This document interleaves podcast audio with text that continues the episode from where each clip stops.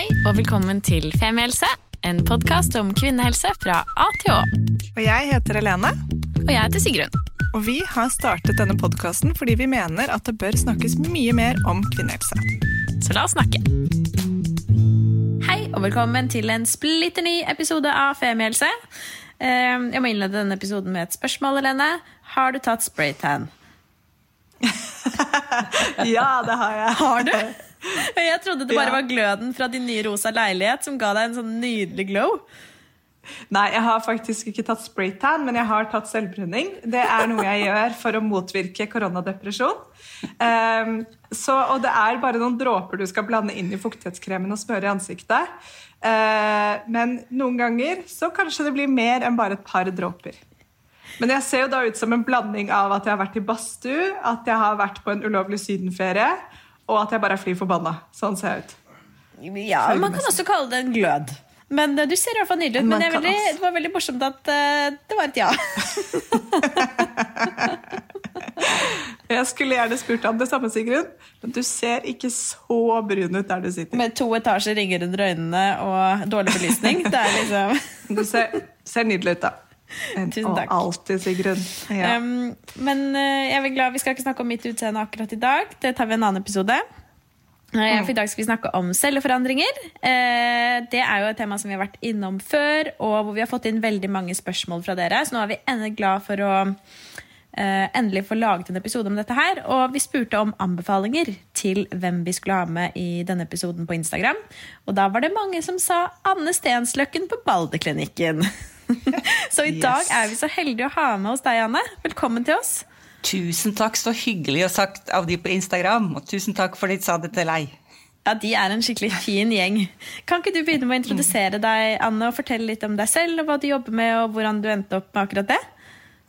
Jeg jobber eh, som privatpraktiserende gynekolog uten henvisning. Men det betyr at man kan komme rett på også.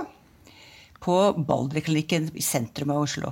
Jeg begynte med gynekologi, for jeg syntes at det var Jeg visste ikke hva jeg skulle bli da jeg ble stor, men så syntes jeg det var litt gøyalt med de damene da jeg var allmennpraktiker. Så da begynte jeg å jobbe på sykehus, og så ble jeg gynekolog. Og det er et fantastisk yrke. Jeg syns det fortsatt. Ja, det er bra. Hva er, hva er egentlig Balleklinikken? Altså, når jeg tenker på Balleklinikken, så tenker jeg på å bli testet for om man er allergisk mot avokado av en eller annen grunn. Ja, det er en Vi jobber med det vi kaller for kanskje helhetsmedisin eller funksjonell medisin. Det er vanskelig å definere akkurat eh, hva, det, hva det heter, da. Men vi jobber med mange forskjellige problemstillinger. Jeg er jo først og fremst gynekolog, men vi har veldig mange som har mage-tarmproblemer. Og noen, kanskje noen bitte få, er allergisk mot avokado. og noen har mage, mageproblemer, er det mange som har. Og de har gått mange runder, og, og det er vanskelig å finne ut av. Ja. Og stoffskifteproblemer er det mange som har. Altså, før vi begynner å snakke om celleforandringer, fikk jeg veldig lyst til å snakke, stille et spørsmål Helene, som vi har diskutert mange ganger. Anne, ser du ofte en sammenheng mellom eh, mage- og tarmproblemer og jeg vet ikke om jeg bare kan kalle det ikke så generelt som kvinnehelse? Um, ja, noen ganger. Ikke sånn kjempeofte, men, men, men mage-tarmproblemer har jo med egentlig hele, hele helsa di å gjøre. Kjempeviktig for hele helsa. Ja, eksempel endometriose. Ja, ja. Det er jo en mage-tarmplage på en måte, men ikke helt regna som det. Men, men man har jo veldig vondt i magen når man har endometriose, som regel. Ikke sant? Ok, Vi må kanskje lage en egen episode om dette. Jeg ble bare så akutt nysgjerrig. Um, I dag skal vi snakke om celleforandringer. Uh, og vi pleier jo å begynne ganske enkelt uh, med å stille spørsmålet hva er egentlig celleforandringer? Ja, det er jo celler som rett og slett har begynt å forandre seg. Fra å være normale til å bli litt unormale. Litt og litt unormale. Det er mange forskjellige stadier fra, fra i, bitte litt, som ikke betyr så mye, og som ofte kan gå tilbake helt av seg selv, til eh, celleforandringer som, som man må gjøre mer med. Og imellom der så er det mange stadier som man må kontrollere. De som Men- har Ja. Betyr det at cellene begynner å dele seg? Ja. Ja. De, eh, ja. Ikke helt, men de deler seg sånn Etter hvert så gjør de jo det. De, de forandrer cellekjerner Altså en celle har jo cellekjerner og cellein, celleinnhold, da. Så når man tar en celleprøve, så ser patologene på celleprøven i et mikroskop, og så ser de om den ser ut helt sånn normal, pen, rund, pen cellekjerne, eller om cellekjernen her har endret seg. Og blitt ja. liten og stygg, eller ja, de har jo, de har jo noen meninger om hvordan det skal være. Og da går noen av disse celleforandringene går tilbake til å bare bli helt borte, men så er det noen som utvikler seg. Og hva skjer da, eller hva kan skje da? Alle disse celleforandringene er jo avhengig av det som kalles for et HPV-virus. Som, som, nesten alle som har, Ja, ikke bare nesten alle. Alle som har et seksualliv, har vært borti HPV-virus i sitt liv.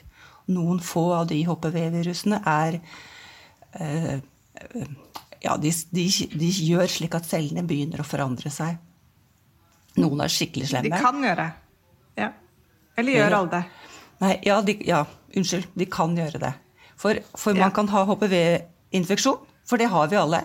Men de fleste går tilbake. Og de fleste bekjemper kroppen selv. Men så er det noen få som ikke bekjemper den HPV-infeksjonen, som blir stående over lang tid. Og da blir det en celleforandring. Og, denne, og når det da er en celleforandring, så hvor altså, Hvis man går og tar en celleprøve én gang i året, som jo er det vi er anbefalt å gjøre, eller er vi anbefalt å ta det én gang i året? Er det ikke hvert tredje år? Det helt stemmer. Det er hvert tredje år man er anbefalt å gjøre det. Eller ta en undersøkelse. Fra, hvor, for, fra hvor, hvor, gammel er man når man bør begynne med det? 25 år. Da, det er det som er anbefalt. Og så, ja, det er det som er anbefalt. Så hender det man gjør det før, da, hvis man har en, hatt en rik, rikholdig seksualpraksis f.eks. tidligere i livet. Mm. Og jeg sier ett år, fordi det er det jeg gjør selv. Når gynekologen spør meg lenge siden du har tatt selvprøve, sier jeg ja, nå er det et år siden, så da er det på tide. Og så sier de ja, ok, da. Nå får jeg som regel grine meg til det. Men uh, jeg skjønner ja. at det ikke er kanskje nødvendig. Men hvis du da kommer og, og, har en celleforandring som har fått lov til å pågå, eller hvor fort kan cellene forandre seg? Hvor fort kan det bli akutt?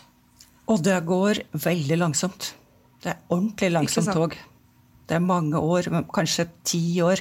15 år. Slik at, slik at, det er jo en av grunnene til at man sier hvert tredje år eh, for de fleste. Nå har man faktisk begynt å si hvert femte år, men det er fordi man, har begynt å, man, man planlegger å skifte fra å ta rene celleutstrykk til å ta en prøve på denne HPV-virusen. Og da, det vil være damer voksne damer. Jeg tror det begynner på 35 år. ja. De har begynt i sånn prøvefylker, og nå skal de gjøre det over hele landet. Så fra 35 år og oppover så blir det etter hvert HPV-test kun. Og hvert femte år. Dette er jo en ny ting i mitt liv som akkurat har fylt 35. da. At jeg plutselig går fra å grine meg til en test i året til å bare få én hvert femte år. Det kommer til å føles tomt uten alle disse selvfølelsene. Hva skal du bruke ja, tiden din på da, Helene?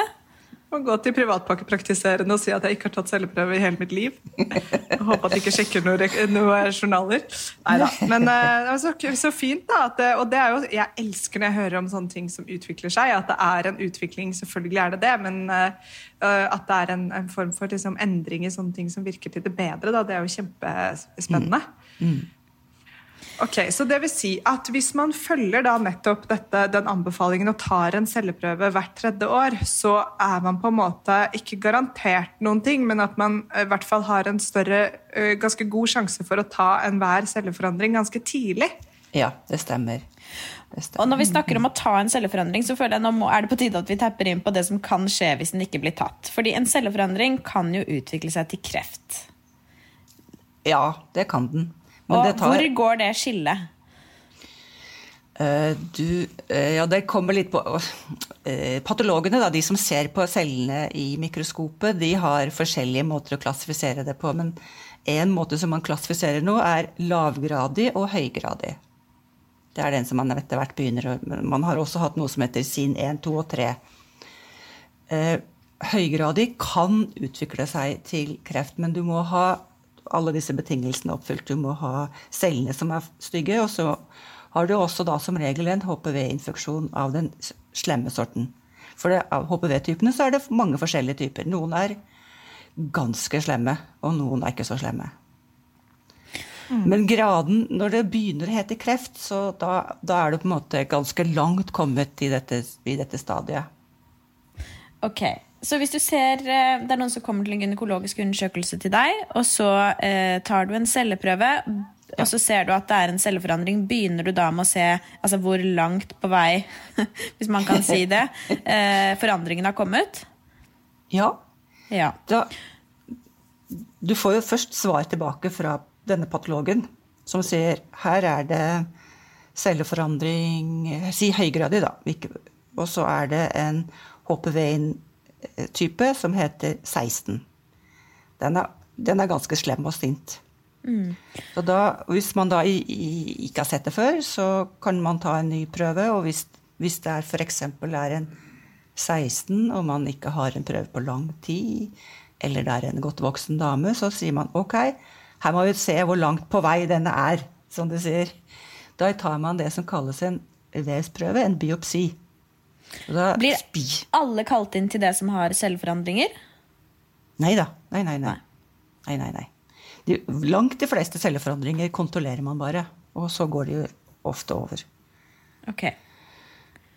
Den, den, letteste celleforandringen den går ofte over helt av seg selv uten noe som helst. Så den, ofte så da sier man Ikke bare ofte. Regelen er at man da sier man faktisk at det skal gå tre år. Ikke sant? Så, mm, før man trenger å ta en ny. Men eh, så er det en celleforandring da, som eh, dessverre ikke utvikler seg i riktig retning, og man ender opp med å måtte ta en vevsprøve, en biopsi, og ser at eh, nei, her går det ikke tilbake. Hva skjer videre med denne pasienten da? Hvis du er hos meg, så henviser jeg da til det som kalles for konisering. Ja, Hva er det for noe? Da fjerner man de ytterste millimeterne av livmorhalsen. Og litt avhengig av hvordan den celleforandringen ser ut, altså hvor plassert på livmorhalsen den er, så, så, velger man litt forskjellige måter å kommunisere på. Men det skjer på sykehus, og der, der er ikke jeg involvert i, i det. Um, da kommer man inn på sykehus. Det er som en litt, som, Egentlig så er det som en vanlig gynekologisk undersøkelse, men du, du um, kommer inn, du blir hilst på, så, satt opp i stolen. Så får du bedøvelse, og så koniserer man. Da tar man av det, og man, da bruker man et en lite instrument som er en sånn strømførende Høres litt skummelt ut, men det er et strøm som går i en tynn tråd. Og det er gjort på bare noen få sekunder. Det går veldig fort. Og da svimer man det bort, da? Nei, man, man, skjærer bort med den tråden. Det er en trekant med en tråd imellom. For eksempel, eller det kan også være en liten slynge, og så har man, ja, man har strøm, strøm, på den. da. Og man gjør, man gjør noe fiksfakseri med pasienten, slik at man ikke skal få støt. Og så skjærer man ut en liten bit. Og hvorfor gjør man det? For da vil man ha Da har man liksom gjort at da har du celleforandringer, så har du HPV Altså du har, du har liksom celleforandringer som er stygge nok. Og den vil man ha bort, så man vil komme ned til friskt vev. For ellers så kan det utvikle seg til, til livmorhalskreft. Ikke sant. Så man får ikke kreft i skjeden, man får det eventuelt i livmorhalsen? Yes. Og det er på livmorhalsen at celleprøven tas også. Ikke sant. Og hva er bivirkningen av en sånn konisering, da? Hvordan har man det etterpå? Sånn. Rett etterpå så har du det du, du merker det ikke så veldig godt. Du, er, det kan hende man um, blir sykemeldt i en, to dager, kanskje. Etterpå, særlig hvis man har et tungt fysisk arbeid. For nå har du jo et lite sår da, på livmorhalsen på den biten som er fjerna. Man har stort sett sørga, man har alltid sørga for at uh, at, er, at man stiller blodet, da, enten man svir litt eller man bruker det preparatet slik at det ikke står der og blør. Og når man da eh, når det har gått noen dager, kanskje en uke eller halvannen, så faller ofte den såreskorpen av, så da kan man få en ny blødning. Men, men, selve inngrepet er ikke så skummelt, og du føler deg ikke noe dårlig eller noe sånt etterpå. Du føler deg nesten som du, før du gikk inn. Så det er ikke, noe, det er ikke, stort, det er ikke et stort, farlig inngrep. Det er et ganske lite, lite, lite inngrep sånn operativt. Ligner egentlig på en vanlig gynekologisk undersøkelse. I både tidsbruk og ellers. Ikke sant. Og eh, etter denne koniseringen, hvilken oppfølging får man da? Da må man gjøre Da må man passe på, da. Først så ser jo da patologen igjen på preparatet og ser at uh, du har um, Preparatet har, er det, det som er fjernet? Ja, unnskyld. Vevsbiten som man har ja. tatt bort. Og så ser man om man har fjernet absolutt alt. Om, eller om det er noen slemme celler igjen. Man ser ofte på kantene. Og så gir man beskjed til gynekologen som er sendt inn, da, og sier her er alt fjernet. Her er det fri rand, kaller de det. Eller så sier de her er jeg litt usikker øverst på kanten der og der. Som regel så har man da tross alt fjernet alt, men da vet gynekologen det, at da må man se litt nøyere etter akkurat der man tar den kontrollcelleprøven. Og det gjør man etter og Det har vært litt forskjellig, men det har vært eh, ca. seks måneder. Noen ganger så første celleprøven tar man kanskje etter tre måneder, og så tar man seks måneders intervaller. Og etter ca. fem år så kommer man på tre års vanlig, som vanlig. Det er ganske lenge å vente, kan jeg se for meg, hvis man eh, har fått såpass med celleforandring at man må ta en konisering og er redd for at det skal utvikle seg videre. Og så må det gå i flere måneder før du får svar på hvordan det har gått. Eller jeg vet at det kan være tøft, for jeg har flere venninner som har vært gjennom det, og som har syntes at denne ventetiden har vært skikkelig eh, ja, skikkelig vanskelig, i hvert fall hvis de da, da har drøyd litt med innkalling til oppfølgingsteamet og ja. Ja, det, det kan så, men det det kan, det, det kan jeg forstå. For man tror kanskje at man er fortsatt er syk, men det er man nesten aldri. Man er nesten alltid helt frisk. Ja, Det er så bra. Mm. Hvor mange Går det an å si noe sånn prosentvis eh, hvor ofte det går bra? Ja, da må jeg gjette litt, men jeg vil si 98% Ja, ok. Ja. Så, de da, som de, som, Hvis man gjennomfører en kondisering, og det ikke går bra, hva er det som har skjedd? Er det da fordi det er en veldig aggressiv form for HPV, eller at Hva er det som skjer? Nei, det er som regel at man ikke har fått med seg at celle, det området hvor celleforandringen er, er stort, eller det kan være litt lenger inn i livmorhalsen. At man ikke helt har fått med seg alle de syke cellene. Mm. Da, men det finner man jo nesten alltid ut på celleprøven neste, neste runde. Og det hender jo at noen ganger at man må rekognosere. Ja, kanskje mer enn 2% men ikke så mye mer. Fem, kanskje. Det er ganske få. Så, så hvis, altså, og nå mener jeg virkelig ikke altså, så men skal jeg si dette, fordi Det føles ut som man gir liksom skylden til folk at de har fått kreft hvis de ikke har tatt celleprøve. og Det mener jeg jo ikke. Jeg bare mener at det er kjempeviktig å teste seg og sjekke seg. Men, ja. så, de, så, det er som regel at hvis man er så uheldig å få livmorhalskreft, så er det fordi man har oppdaget det for sent, rett og slett. Ja, det kan det være. Og så er det jo noen som dropper å teste seg. Det er det jeg mener. ikke sant? At, de, at, man da ikke har sjekket seg, at man ikke har tatt celleprøve, og da har det fått utvikle seg såpass langt at det allerede har blitt kreft når man da til slutt oppdager det. Ja. Men det er, mm. av alle som tar den celleprøven, så er det ikke så kjempemange som får kreft. I fjor så var det 370 stykker som fikk, som fikk livmorhalskreft og ble behandla for det. Og mm. av de, så var det, av de som var under 25 år, så var det bare seks. Men det var seks. Ja. Og de som er under 30, så var det bare 25. Så, mm. så, det er en slags grunn for at man venter litt med å anbefale å gå og ta celleprøver. Men ja, det, det, kan være grunner til at man allikevel skal gjøre det kanskje litt før, da. Ja. Så jo eldre man er, når man er liksom på min alder, det er da det i hvert fall er viktig, hvis det er noen som sitter og hører på som ikke har tatt en celleprøve før, at man nå liksom kvinner seg opp, tits up, og går og tar en celleprøve, rett og slett gå og ta en celleprøve. Det er mm. kjempelurt. Og det kan man også gjøre hos fastlegen, ikke sant? Det kan man gjøre hos fastlegen. Ikke sant? Eller hos gynekolog hvis man har lyst til det.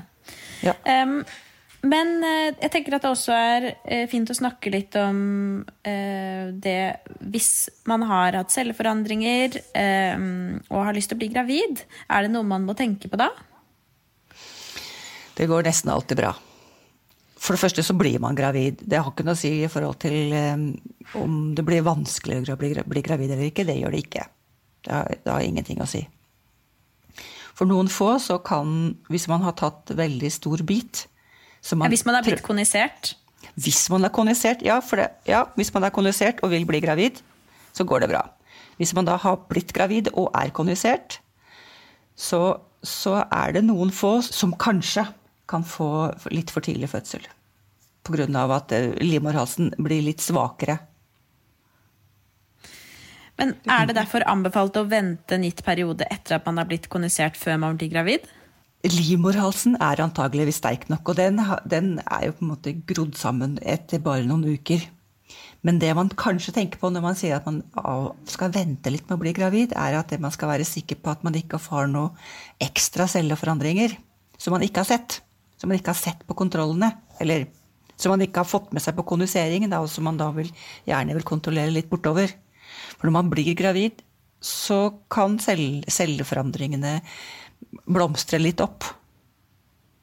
Under graviditet. Hvorfor det? Hormon, på grunn av hormoner, tror man. Mm. Ja, for da, jeg, da jeg var gravid, så ville de jo ikke ta celleprøver. Nei, nei. Ja, De ville ikke det, det da. Og de mente nei. de måtte vente til seks måneder etter fødsel. For det var liksom var det, ja, Jeg skal ikke spørre hvem det var, men, men hadde det vært hos meg, så hadde jeg nok gjort det uansett. Okay. Man, man, kan blø, man, kan blø, litt når man tar celleprøven når man er gravid, men nei, det Det skader der, ikke ellers. Der har vi litt forskjellig praksis. Ikke sant. Ja, men det får være greit. Um, ja, men hvis man har uh, Dette er også et spørsmål som vi har fått inn. altså Hvis man har blitt uh, konisert og uh, blitt gravid etter det, får man da noen form for ekstra kontroll for å se hvordan det står til med livmorhalsen? Ikke, ikke, sånn obligatorisk, men, men, hvis man da går til en ultralydkontroll hos, hos gynekolog f.eks., mm. så så er det jo ja, Gynekologen vet jo sikkert det, men hvis ikke gynekologen vet det, så kan det være en smart ting å opplyse om det. Og si at eh, jeg er kondisert. For da kan, da kan gynekologen se på livmorhalsen hvor lang den er sånn, mot slutten av graviditeten. Man begynner å Om den holder seg litt, men ja. Mm. Ikke sant. Ja, men det kan jo være fint å, å huske på. det kan være man... fint å liksom, ha det litt um, ha det som en felles kunnskap da, med gynekologen sin. Ja, Uten at man trenger å bekymre seg sånn veldig i utgangspunktet. Nei, det behøver man ikke. Nei, så bra. Eh, men dette var jo på mange måter eh, mye positive fakta, syns jeg. Det er veldig lystig, Sigrun. Dette var Et alvorlig tema. Lystig.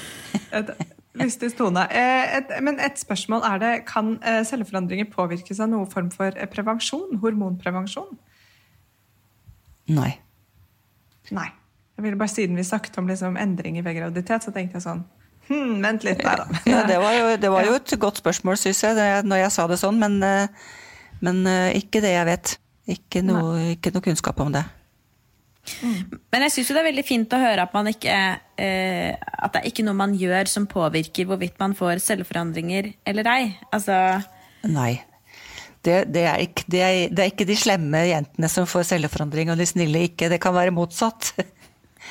fordi, fordi den er kobla mot HPV-virus, og, og det, har vi alle sammen. man kan tenke på som en influensa. Det er som virus som influensa. Man, man, har det, man har en infeksjon, og så blir man frisk igjen. Mm. Men eh, ja, fordi at det, så, hvis, så, egentlig bare litt sånn, Ikke for å runde av nødvendigvis, men jeg, hvis du da er hos deg og du får påvist celleforandringer, så er det jo ofte at man da skal gå og vente et år. Um, hva, liksom gitt, hva, hva, pleier du å si til dine pasienter som får på en måte beskjed om at ja, nå skal du vente et år, og så tar vi en ny celleprøve? Hvordan skal man finne roen i det? Jeg synes det, er kanskje et stort spørsmål, men jeg synes jo det, er liksom, det er jo en litt sånn rar du har celleforandringer. Lykke til, bare slapp av. Så snakkes vi om et år. Den er litt tøff. Ja. Det, jeg, det går jeg med på. At det er litt tøft. Mm. Og ikke, ikke, nok med det, men noen får jo beskjed om å vente i tre år. Ikke sant? Um, mm. Da må man eh, trøste seg med det at det, for det første så er dette veldig, veldig langsomme forandringer. Og for det andre så har kroppen god evne til å rydde opp sjøl. Slik at du kan vente kanskje 10 år, 15 år, kanskje mer, før det blir noe farlig. Så man må Ja. Det er jo god trøst, syns jeg. Ja. Syns jeg som sitter her og ikke har celleforandringer, vet jeg fordi jeg akkurat tok en celleprøve igjen. så for meg er det, kan jeg lene på, men jeg kan forstå veldig godt at det er skummelt. Men samtidig så er det jo veldig fint å vite at det går sakte. Når man først har oppdaget det, så er man jo inne i en loop hvor man blir passet på. Og det Ja. er eh, fint. Mm. Og man passer på seg selv også. Man må jo s- Når man har fått en sånn beskjed, så vil man jo gjerne sjekke. Jeg, et spørsmål vi har glemt å stille, eh, det er jo det om det går an å ha noen symptomer på at man har celleforandringer. Det var et veldig godt spørsmål. Um, Det kan du. Det har, hvis du har eh, ja, La oss si det er lenge siden du har tatt en celleprøve, og så har du en partner. Og så går du og, ta, og så har dere sex. Og det er sånn, det er ingen god grunn for at du skulle blø, og så blør du ved, ved sex. Det er en uregelmessig blødning. Det er ikke en blødning som har med menstruasjon å gjøre. Eh, Og den, den skulle ikke vært der akkurat da. Det er et sånn um, watch-tegn. Da, må- du passe deg. Da skal du gå og se. Som regel så er det ikke celleforandring da heller. For hvis man er ordentlig ung, så kan det være at livmorslimhinnen bare er litt lettblødende. Men det er, et, det er et tegn som man skal være litt nøye med. Og, gå og, i hvert fall hvis det er en stund siden du har tatt celleprøven. Da skal du gå og sjekke deg. Og det gjelder, eh, det gjelder både yngre og, og enda mer kanskje de litt eldre damene. Jeg kan også si fra en venn som er meg selv, at det kan også være klamydia hvis man blør etter samleie. Det kan også være klamydia. Ja, så, Og har du så hvis du ja. Har du klamydia, Hvis så man har du blør etter sex, ja, så burde man ta seg en tur til gynekologen, tenker jeg da. ja. ja, det er sant. Men det er det eneste man skal eh, passe på i så fall. Ja, det er flere ting som, som kan øke risiko for å få en celleforandring. For det, og, og det kan f.eks. være hvis man har hatt mange partnere. Eller hvis man ellers har et ne litt nedsatt immunforsvar. Eller hvis man samtidig har klamydia. Faktisk. Ikke sant? Og det er Eller hvis man alltid... røyker. Å ja. Hvorfor det? Ja, det også. Ja, nei, det vet jeg ikke. Røyking er dårlig for alt. Jeg føler jeg var egentlig massiv risikosone sånn i russetiden. Men nå er det en veldig lav risikosone på meg. Og jeg, ja. Så det går litt opp og ned, kanskje, den risikogruppen man er i. Men nå er jeg jo over i aldergruppen, da. Ja. Ja, ja, det, går seg, det går opp og ned her i livet. Ja. Ja, det Det var sant. min kommentar på det. Men um, ikke sant. Men jeg tenker jo egentlig at det, da har vi vært eh, sånn cirka igjennom. Tenker du ikke det, Lene? Jo, jeg tenker det. Når jeg fikk avsluttet min anekdote om russetiden, så føler jeg vi har kommet til veis ende på mange måter. Du, Da fikk vi nevnt russetiden din i denne episoden også. Det er fint. Ja, Det er et mål i seg selv. Er det noe du tenker at vi burde legge til, Anne, før vi avslutter? Det, det er sikkert det, men det har jeg, det har jeg litt glemt. Ikke sant. Men um, da tror jeg vi sier oss fornøyd, jeg. Og så eh, sier vi tusen takk, Anne, for at du har svart på alle våre mange spørsmål. Og takk til deg som hørte på. Håper du fikk svar på dine spørsmål. Og så snakkes vi snart igjen. Det gjør vi. Takk for at dere hørte på. Takk, takk. Ha det! Ha det. Ha det! Tusen takk for at du hørte på podkasten vår. Selv om det forhåpentligvis kommer tydelig frem, så vil vi understreke at vi ikke er helsepersonell. Ja, så Som vanlig, kontakt legen din om du har noen spørsmål eller om du skal begynne på noen form for behandling. Og har du et tema som du har lyst til at vi skal snakke om, eller noe ris eller ros, så send oss gjerne en melding på Facebook eller på Instagram. Der finner du oss under Femihelse. Og du kan gjerne rate oss på iTunes. Det er skikkelig hyggelig for oss. Ha en fin dag! Ha en kjempefin dag!